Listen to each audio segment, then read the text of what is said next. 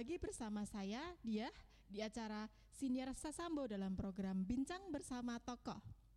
Nah, siang ini kita sudah eh, hadir seorang narasumber yang luar biasa. Yuk kita sapa bersama Kak Yuyun. Ya, Mbak Dia. Apa kabar Kak Yuyun?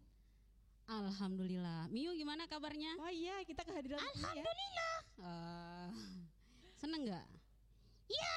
Eh, Eh, selain mengajar, kan kakak sekarang ini ya seorang pendidik di SMP 2 Praya Baradaya. Nah, Iya, betul selain sekali. selain mengajar, kegiatan apa lagi nih yang sedang dilakukan?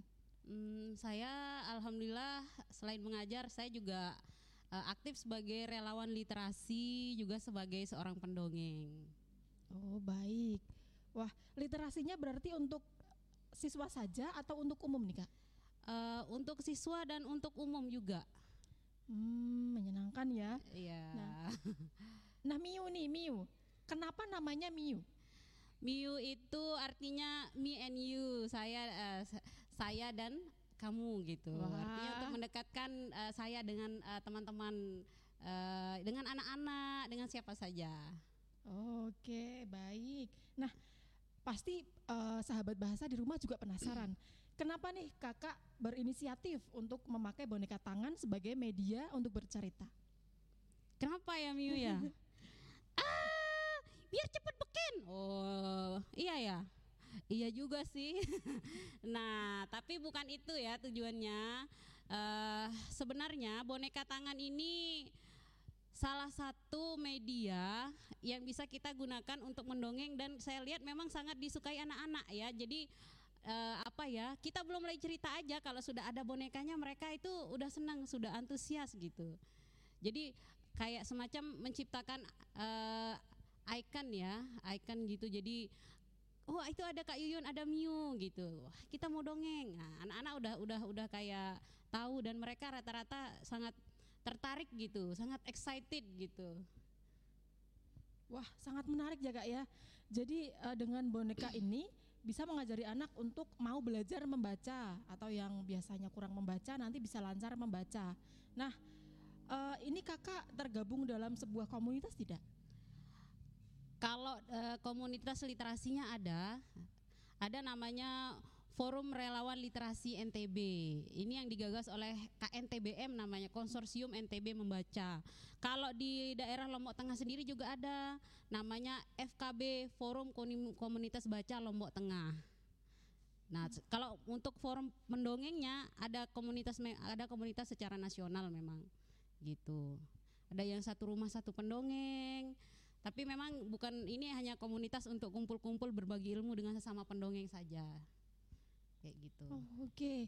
Nah, ini kan biasanya boneka itu identik dengan anak kecil. Nah, apakah ini eh, apa namanya juga Kak Yuyun menerima misal diundang di dalam sebuah acara yang tidak semua pesertanya anak kecil nih? Gimana tuh? Eh, sering sih malah kayak gitu. Jadi kadang eh, pesertanya, audiensnya itu mulai dari anak-anak, dari bayi bahkan dari sampai orang tua sampai kalau orang Lombok bilang papu-papu gitu, nenek-nenek gitu ya. Jadi semua usia gitu. Tapi apa ya? eh, lebih sering sih ke anak-anak usia sekolah. Oke, gini kak, berarti eh, apa namanya? Nah, ini kan berkaitan erat dengan eh, program literasi dari pemerintah ya. Nah, menurut Kak Yuyun nih, yang kita asli masyarakat NTB ya, menurut Iya. Kak Yuyun literasi di NTB ini untuk menggunakan mode- eh, media ini, apakah potensial kak? menurut saya sangat potensial ya karena apa eh kalau kita mengajak membaca, mengajak atau berkampanye literasi dengan hanya kita menyuruh mereka gitu. Jadi kayak kurang menarik gitu. Tapi dengan eh, kita mendongeng, kumpulkan anak-anak dengan mendongeng, kita ngajarin mereka membaca, misalnya membaca nyaring bersama Miu kayak gitu ya. Eh, tajuknya mereka itu tertarik gitu. Jadi menurut saya ini cocok sekali gitu untuk dipakai eh, mengajak anak-anak untuk membaca. Misal atau gini, misalnya contoh nih yang sering saya lakukan misalkan saya ketika ketemu dengan anak-anak. Jadi ini ini bisa saya pakai untuk iklan membaca atau kampanye membaca buat anak-anak gitu. Misalnya kayak gini ya. Miu kok bengong? Iya nih. Kenapa? Soalnya saya mau jadi orang hebat. Lah kalau mau jadi orang hebat ya sekolah dong. Udah sekolah. Terus? Iya tapi belum jadi hebat. Nah supaya jadi orang hebat gimana dong? Ya nggak tahu. Nah kalau adik-adik mau tahu, ada caranya. Kasih tahu caranya, Miu mau coba. Caranya gimana? Ya gimana? Gimana caranya adik-adik? Miu gimana? Ya makanya saya nanya kak. Caranya kita rajin baca buku. Ya terus kan di rumah nggak ada buku. Nah, contohnya kalau nggak ada buku ke mana? Ke perpustakaan. Nah misalnya kayak gitu. Contohnya nih contoh sederhana gitu. Jadi saya nggak perlu. Ayo adik-adik kita ke perpustakaan. Gitu cukup dialog kayak gitu sederhana gitu setiap dongeng, setiap saya cerita sama anak-anak, selalu saya selipkan ajakan-ajakan untuk membaca, untuk ke perpustakaan, tidak hanya dengan anak-anak, dengan ibu-ibu juga, juga dengan bapak-bapak. Iya, jadi dengan semuanya lah. Wah, sangat menarik ya kak ya.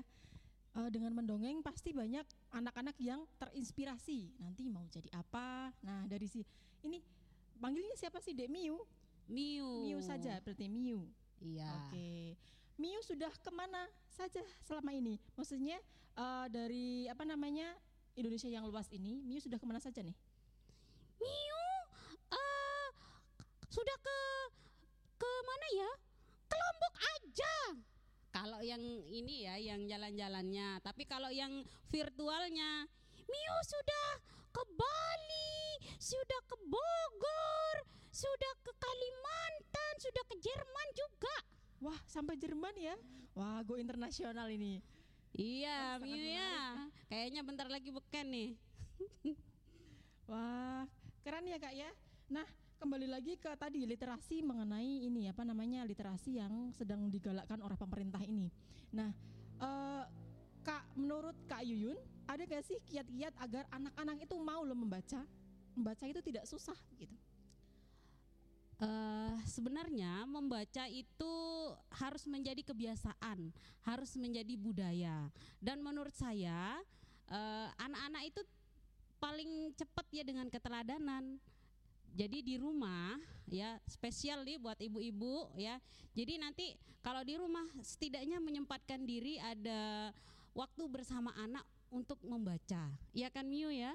Iya dong, saya senang membaca karena sering diajak sama ibu. Wah, gitu. Jadi setidaknya sebelum tidur ada ada kesempatan bersama anak 10-15 menit membaca buku bersama atau mendongeng gitu ya. Jadi kalau misalnya di rumah nggak ada buku gimana?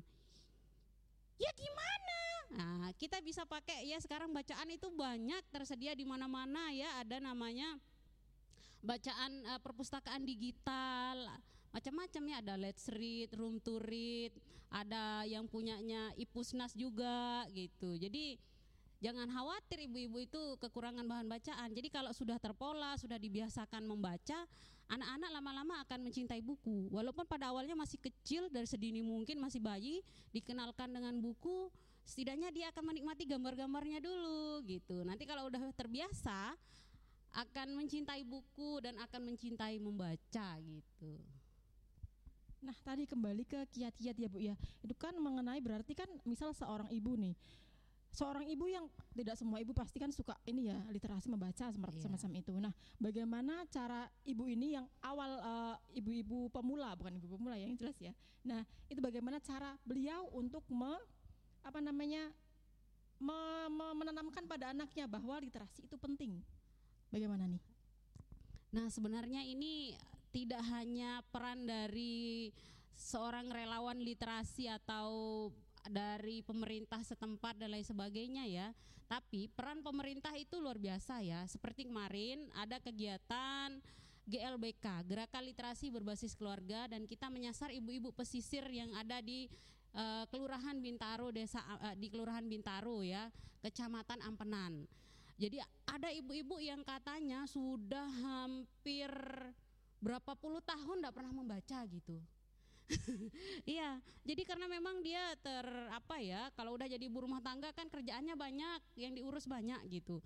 Nah, ketika memang kemarin kita uh, berkunjung ke sana dan digerakkan oleh ibu-ibu PKK uh, provinsi dan uh, kota Mataram ya yang menyelenggarakan kegiatan tersebut diadakan selama 21 hari kerjasama dengan kantor bahasa juga gitu. Jadi waktu itu luar biasa ya kita ini. Jadi kita ngajarin gimana ibu-ibu uh, mengajak anaknya membaca. Jadi kita itu kasih bahan-bahan bacaan yang menarik, cerita-cerita yang menarik, buku-buku yang menarik, buku cerita yang uh, disukai anak-anak, kemudian buku-buku resep memasak, bacaan-bacaan umum. Ternyata ibu-ibu itu suka dan mereka merasakan ya setelah mereka uh, rajin membiasakan diri membaca bersama anak. Ada yang membuat testimoni ya merasanya awalnya anaknya tuh agak apa ya susah disuruh susah diatur gitu katanya ya susah diarahkan. Terus sering nggak mau nggak nurut gitu ya. Tapi setelah rutin apa selama 21 hari membaca bersama anak ada kayak ikatan emosional, emosional bonding yang tercipta antara ibu dengan anak gitu. Ternyata kalau didongengin ada kisah-kisah uh, teladan di cerita tersebut, di dongeng tersebut, mereka itu jadi ada perubahan perilaku antara si anak itu. Dan rasanya ibu-ibu itu menurut pengakuannya mereka ya, kayaknya kalau sehari nggak baca itu ada yang kurang gitu. jadi apa? Itu peranan pemerintah kan luar biasa tapi juga kalau pemerintahnya aja yang semangat gitu tapi kalau tidak diikuti dengan ibu-ibunya juga ya percuma juga gitu jadi akan ada ada ada apa ya sinergi dari dua belah pihak itu pasti bisa itu sebenarnya gitu da, makanya dari ibu untuk anak untuk keluarga untuk NTB untuk Indonesia Iya, itu semua ya. Keren sekali ya, Bu ya. iya. Gini, Kak Yuyun ber berarti kan ini apa namanya? gerakan tadi literasi yang bersama kolaborasi dengan Kantor Bahasa Provinsi Nusa Tenggara Barat, Nusa Tenggara Barat ini.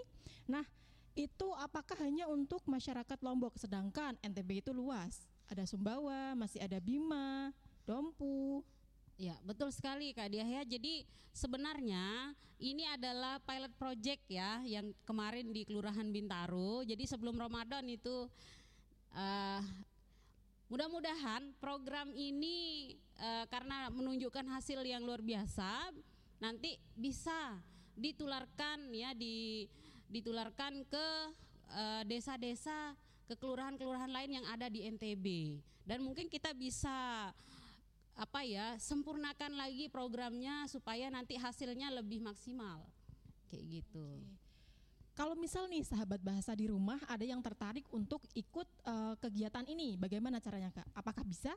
Apakah hanya orang uh, yang ditunjuk saja atau semua bisa bergabung semacam itu? Untuk GLBK kemarin dia memang uh, kayak program dari PKK ya mungkin nanti dari dari desanya ini yang akan mengusulkan ya. Dari desanya nanti mengusulkan menghubungi uh, eh, PKK untuk apa ya untuk buat ayo dong kita buat pelatihan untuk ibu-ibu pelatihan literasi untuk ibu-ibu gitu. Gerakan literasi berbasis keluarga insya Allah bisa gitu. Tapi kalau mau ngundang saya pribadi juga bisa ya. Misalnya tapi ngundangnya misalnya ada kelompok uh, ini ya di di desa ibu-ibu misalnya oh saya mau dong supaya saya ada modal ada ini untuk ngajarin anak-anak saya. Saya per, saya suka sih ngajarin anak-anak saya membaca. Saya selalu sih bacain anak-anak saya tapi mereka cepat bosan gitu. Nah mungkin ini belum ketemu caranya yang pas gitu supaya anak-anak itu senang dan terlibat dalam membaca itu gitu. Jadi kalau mereka dilibatkan ketika membaca ya membaca interaktif gitu mereka menikmati proses membaca itu. Jadi sebenarnya membaca itu tidak boleh dipaksa loh ya Kak ya. Jadi mereka itu anak-anak itu harus diajarkan bagaimana menikmati kegiatan membaca itu. Iya kan Miu ya? Iya dong. Nah, ya jadi nggak boleh dipaksa. Miu dipaksa nggak kalau baca? Uh, iya pertama dipaksa. Oh, di pertamanya dipaksa. Terus setelahnya jadi seneng dong. Uh, iya. Tapi memang ada ada ini ya dulu belum tahu gitu ya bahwa membaca itu uh, tidak boleh dipaksa. Dan sebenarnya belajar juga nggak boleh dipaksa. Ya ini menurut Ki Hajar Dewantara bukan menurut Kak Yuyun loh ya. Jadi anak-anak itu memang harus sesuai dengan kodrat alam dan kodrat zamannya gitu. Jadi berarti sifat dan bentuknya. Seperti padi, eh seperti jagung misalnya, nggak usah dipaksa supaya jadi padi. Padi juga nggak bisa dipaksa jadi jagung, tapi gimana merawat benih-benih positif yang ada di dalam diri anak itu untuk terus berkembang supaya tumbuh baik. Jadi semua hal-hal yang positif itu berkembang baik sehingga menjadi manusia yang berguna dan memiliki keseimbangan cipta rasa karsa dan karya. Gitu katanya Ki Hajar Dewantara ya. Wah baik, gini Bu, uh, dari uh, dari ini cerita anak-anak yang literasi tersebut. Nah, ada nggak nih Kak Yuyun yang uh, cerita mengenai uh, pengalaman Kak Yuyun selama uh, mengikuti gerakan literasi ini keliling Pulau Lombok tadi? Adakah cerita yang menarik untuk di share pada sahabat bahasa misal? Uh, ada ya, banyak ya. Jadi dari pengalaman dan pengamatan saya ya selama keliling ke Pulau Lombok ini dari berbagai tempat ya saya mengatakan bahwa anak-anak di NTB, anak-anak di Lombok ini ya, pada khususnya mereka sebenarnya tidak kekurangan minat baca ya. Tidak kekurangan kalau pemahaman membaca kurang iya bisa jadi. Tapi kalau minat baca anak-anak tidak tidak kurang. Karena apa? Ketika saya datang berkunjung ke suatu tempat, biarpun itu tempatnya pelosok ya. Itu mereka itu saya bawa buku misalnya ya, saya bawa, bawa oleh-oleh buku. Mereka itu rebutannya luar biasa. Saya misalnya bawa buku sama bawa permen. Ya permen yang mereka duduk tertib tunggu dibagiin.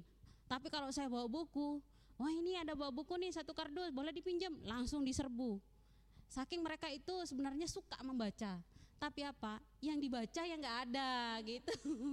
Jadi memang kemarin ada ada ini ya uh, webinar tentang eh ini ya bersama Gol Agong ya Indonesia krisis buku dan memang kita itu krisis buku. Sempat juga dialog dengan uh, perpustakaan ini daerah kemarin, perpustakaan provinsi NTB ya. Kita itu bukunya itu satu banding 50 gitu. Jadi masih kurang banget gitu. Jadi satu buku itu diantri di uh, daftar tunggunya sampai 50 orang.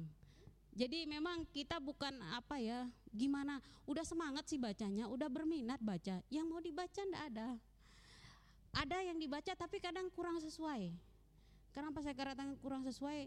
Buku yang uh, cocok untuk anak kan buku itu sebenarnya berjenjang. Anak SD cocoknya baca ini, anak SMP cocoknya baca ini, anak SMA bacaannya ini gitu kan. Nah, jadi buku-buku yang pas untuk mereka itu masih kurang. Apalagi di desa-desa yang nggak punya perpustakaan. Makanya itu yang melatar belakangi uh, tumbuhnya taman baca masyarakat yang ada di pelosok-pelosok di NTB ini yang sering yang saya kunjungi-kunjungi ini gitu. Jadi karena kepri, keprihatinan itu perpustakaan jauh. Kalau mau berkunjung ke kabupaten itu butuh usaha yang luar biasa mereka untuk sana dan itu adalah bagian dari kemewahan untuk bisa berkunjung ke perpustakaan bagi anak-anak yang di pelosok. Kalau yang di kota kan enak gitu. Terus kalau kan ada perpustakaan sekolah. Ya. hello. Perpustakaan sekolah itu isinya buku ini buku-buku paket iya. Tidak hanya di ini tidak hanya sekolah di pelosok sekolah di kota juga boleh dicek. Paling kalau buku-buku fiksi itu sedikit ya. Jadi kurang memadai itu nah harapan Kak Yuyun kepada pemerintah mengenai ketersediaan buku ini bagaimana Uh, kalau harapannya sih, saya berharap ya supaya di setiap desa setidaknya ya sebenarnya ada ya desa itu ada per, uh, perpustakaan desanya. Kalau bisa perpustakaan desanya ini dihidupkan buku-bukunya itu diperbanyak buku-buku bacaan untuk anak dan buku-buku umum untuk masyarakat juga kalau bisa diperbanyak gitu. Jadi apa ya akses buku pada masyarakat, terutama anak-anak ini diperbanyak. Terutama buku-buku yang berjenjang sesuai dengan usia anak-anak yang pas untuk anak-anak. Tidak hanya di desa, tapi kalau bisa seperti di rumah baca, komunitas baca ini gitu. Uh, apa ya bisa menyasar sampai ke pelosok-pelosok gitu karena bagi anak-anak pelosok ini buku itu adalah barang mewah buku itu barang mewah. Kalau HP mungkin udah banyak yang punya anak-anak di pelosok ini gitu. Dan sekarang sinyal di NTB ini hampir ya ke semua daerah gitu. Tapi mereka kalau buku buku itu jadi barang yang mahal barang yang cukup bukan mahal tapi langka di daerah pelosok gitu jadi enggak anak-anak enggak bisa kalau diharapkan baca tiap hari itu yang mau dibaca nggak ada gitu kak Ya, jadi ini ya kita apa namanya pertama yang harus dilakukan adalah berarti menyediakan ba- bahan bacaannya ya. ya akses bahan Oh, bacaan yang lebih hmm, oke. terjangkau gitu itu harapan saya sih Nah silahkan bisa disampaikan Ibu Ayun siapa tahu nanti akan ada yang mau berdonasi mengenai buku ini. Oh ya, jadi eh, kalau mau ya, jadi ini kalau misalnya teman-teman mau donasi buku, kami juga eh, menerima donasi buku loh ya. Kemarin alhamdulillah dari eh, dapat donasi buku dari eh, kantor bahasa. Sudah kami serahkan di perpustakaan keliling Brugak Lombok Desa Bayan. Gitu ya. Jadi berapa paket buku kemarin? Kalau tidak salah empat paket buku. Sudah kami salurkan semua. Jadi nanti apa ya kalau misalnya ada yang buku-bukunya udah nggak dibaca lagi di rumah bisa menghubungi saya ya. Bisa menghubungi, menghubungi saya lewat Instagram Yuyun Stewati 45 atau eh, di Facebook Yuyun Stewati nanti ada gambar saya sama Miu ya. Nah di sana nanti bisalah eh, ini menyampaikan oh ini saya punya satu gudang buku gitu. Bawa truknya untuk ngangkut alhamdulillah gitu ya. Siap kami bantu salurkan nanti ke adik-adik di pelosok-pelosok Wah sangat inspiratif ya kak ya. Eh, apa namanya banyak ilmu nih yang kita- bisa kita bagikan mengenai literasi membaca ini ya, terutama Iya. bagi anak-anak menggunakan media ini, media boneka tangan ini. Iya. Nah, baik sahabat bahasa, wah seru banget nih bincang so- bincang bersama Kak Yuyun dan Miu terutama. Oke, sebelumnya terima kasih banyak ya Kak sudah mau hadir dalam acara Sinyar Sasambo. sama-sama makasih juga udah diundang Kak Dia Jangan bosan-bosan ya. bosan dong gimana Mi senang nggak senang banget sering-sering ya Oke, baik sahabat bahasa, sekian bincang bersama tokoh hari ini. Jangan lupa untuk menyukai Siniar Sasambo di kantor bahasa Provinsi Nusa Tenggara Barat dan juga di Spotify Siniar Sasambo. Sampai jumpa. Wassalamualaikum warahmatullahi wabarakatuh. Nah, masih ada ya ini penutupan dari Miu. Eh, silahkan Miu. makasih Miu mau ngajarin temen-temen nih kok ngajarin sih Miu terus apa dong Ih, kita mau tepuk bareng bukan ngajarin. Ya, ngasih tahu. Oke. Eh, suaranya jangan galak-galak. Iya, ngasih tahu maksudnya Kak Yuyun. Iya, mau ngasih tahu apa sih? Kita mau tepuk literasi ya, teman-teman semua. Iya, gimana caranya? Tepuk literasi. Prok prok prok. Baca buku. Prok prok prok. Banyak tahu. Prok prok prok. Banyak ilmu. Prok prok prok. Jadi hebat. Gerakannya kayak gimana? Kan gak bisa gerakannya. Emang ada gerakannya? Ada dong. Iya, ada gerakannya. Nah, nanti kita contohin gerakannya ya. Kapan? Ya nanti. Tunggu diundang lagi ya. Iya. Ah, makasih teman-teman semua. Salam literasi. Nah, sahabat bahasa, itu tadi tayangan Senior Sasambo edisi kali ini. Gimana? Seru kan? Nah, maka dari itu sahabat bahasa jangan lupa untuk berlangganan kanal YouTube Kantor Bahasa Nusa Tenggara Barat. Sukai video yang kamu pilih, berikan komentar dan nyalakan lonceng pemberitahuan supaya kamu tidak ketinggalan video-video terbaru dari Kantor Bahasa Nusa Tenggara Barat. Tadi video-video yang kamu saksikan juga kamu dengarkan dan saksikan melalui SoundCloud dan Spotify Siniar Sasambo. Jangan sampai terlewat ya. Dah.